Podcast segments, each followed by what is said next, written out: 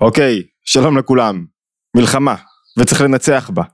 בואו נצלול לתוך um, הרמב"ם ובעל התניא כדי לגייס כמה עצות איך מנצחים במלחמה. ברור לכולם שהניצחון במלחמה מתחיל ברוח של כולנו, ב state of mind, ב mindset, במשקפיים שדרכם אנחנו בוחרים לראות את המציאות שאליה אנחנו יוצאים ובאופן שבו אנחנו שולחים את החיילים שלנו.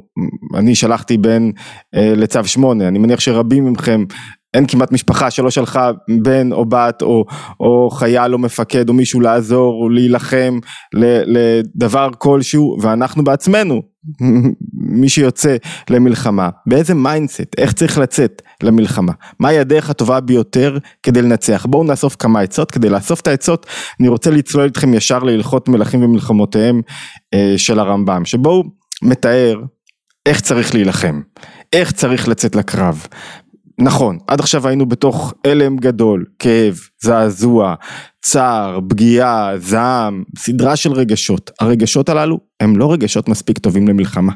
במלחמה אני חייב להחזיר את השליטה על העולם הרגשי שלי ולצאת אחרת לחלוטין.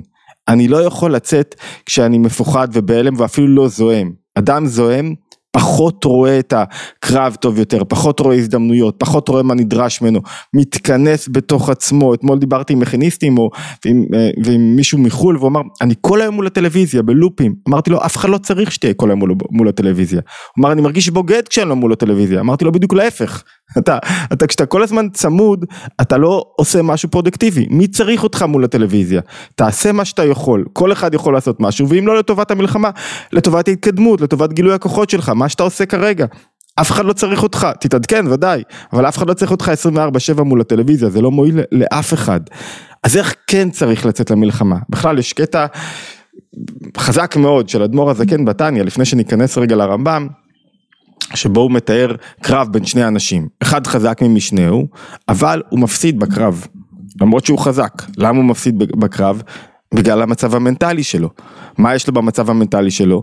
הוא בעצלות, כבדות, כאב, מה קורה לך כשאתה בכאב? הרגשות שולטים בך, ואז אתה לא מקים את עצמך, אתה לא מאמין בעצמך, אתה חסר אנרגיות, חסר כוחות. זה נכון בחיי השגרה, וזה נכון על אחת כמה וכמה במצבי חירום כמו עכשיו. כשמישהו בעצלות וכבדות, הוא פועל פחות טוב. כשמישהו ברעננות וזריזות, הוא פועל הרבה יותר טוב, ולכן אין ברירה. צריך להביא את עצמנו, את הגוף שלנו, את הגוף ספציפי של כל אחד, האינדיבידואלי של כל אחד מאיתנו ואת הגוף שלנו כאומה למצב שבו אנחנו מסלקים עצלות, כבדות, כאב, אפילו זעם, זעם זה לא מתכון טוב לניצחון, זה אי, אי אפשר לנצח עם זעם ואי אפשר, אי אפשר לנצח כשאני כאוב כל כך, אני חייב לנצח עם מה? עם זריזות.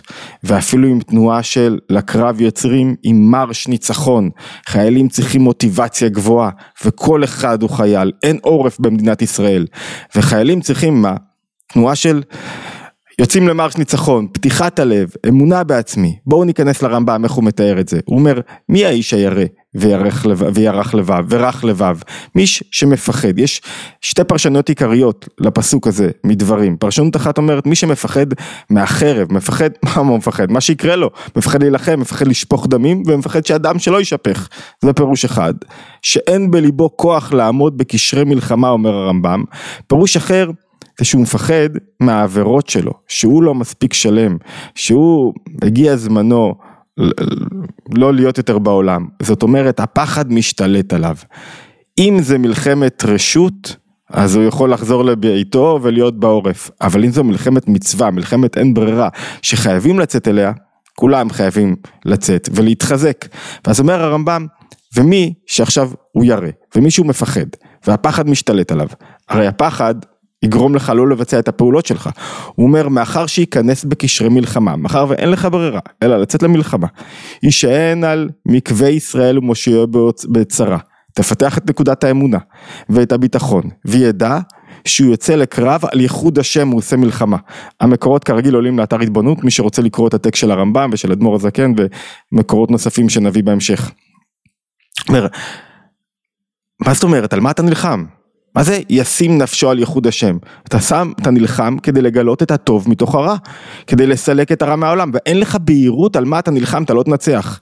אז אתה לא רק נלחם על הבית שלך, אתה נלחם על הטוב בעולם, על גילוי הבורא בעולם, על, על, על זה שאתה מסיר את הקליפה ואת החושך ואת ההיעדר, וזו מלחמה הכי חשובה שיש. וכשאתה מבין, יש לך שליחות במלחמה, אתה לא נלחם רק על עצמך, וישים נפשו בכפו. איך עושים את זה, מסביר הרמב"ם? איך לא מפחדים? הרי הלב הומה מהפחד. איך לא יירא ולא יפחד, הוא אומר? אתה צריך לגרש מחשבות מה יהיה. לא יחשוב, לא יחשב לא באשתו ולא בבניו, אלא ימחה זיכרונה מליבו. אתה יוצא לקרב, לא, אתה לא אכפת לך, אתה לא יוצא לקרב להילחם על אשתך ולא על הילדים שלך ולא על אף אחד אחר.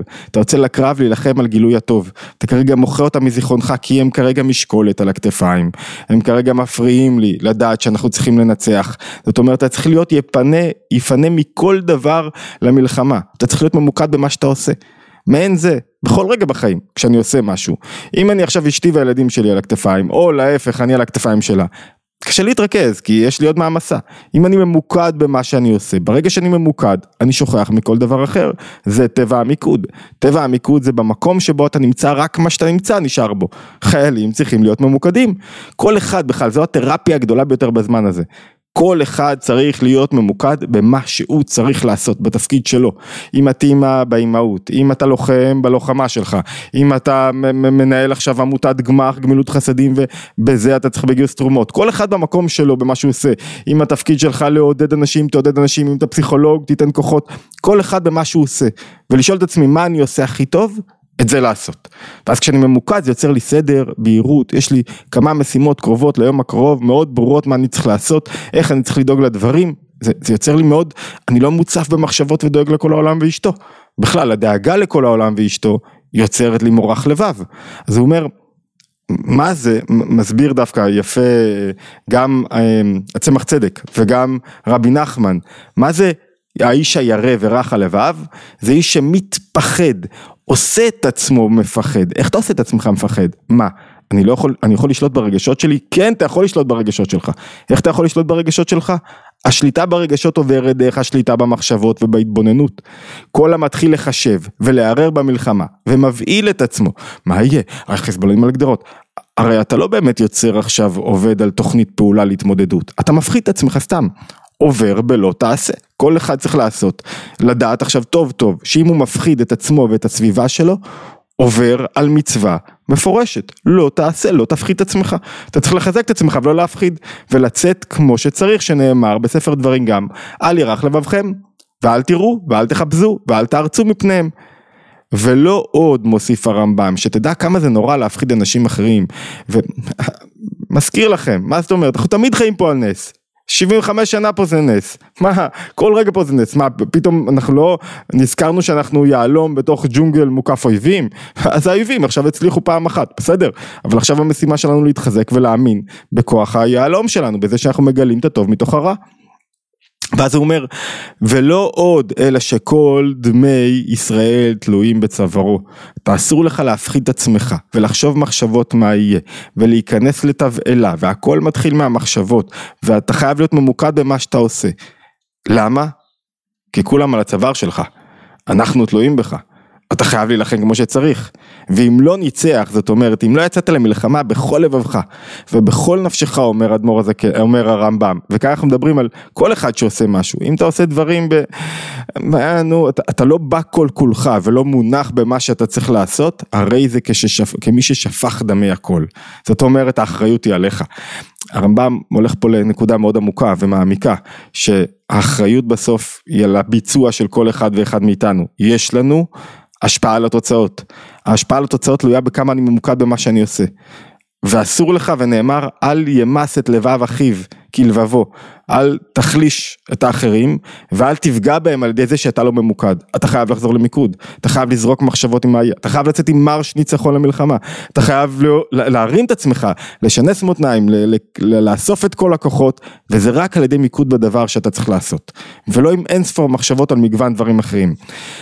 לעומת זאת, הוא אומר, רגע, עוד נקודה, הוא אומר, ומי שלא עושה את זה, ארור עושה מלאכת השם רמיה, אתה יצאת עכשיו פה לשליחות הכי גדולה, לגלות את האור מתוך החושך, את הטוב מתוך הרע, לחשוף את, את, שיש בורא לעולם ויש סדר לעולם, ולקבל את הכוחות ואתה עושה, את המלאכה שלך רמיה, למה? כי אתה עכשיו מכניס כל מיני פחדים, ואתה מכניס וארור מונע חרבו מדם, ואתה לא מוכן לראות, ואתה לא מוכן להילחם, ואתה לא, מה זאת אומרת? איך אתה מעז לא להילחם כרגע? במק, במקצוע שלך, במה שאתה צריך לעשות, תחזק את עצמך ותעשה את מה שאתה צריך לעשות.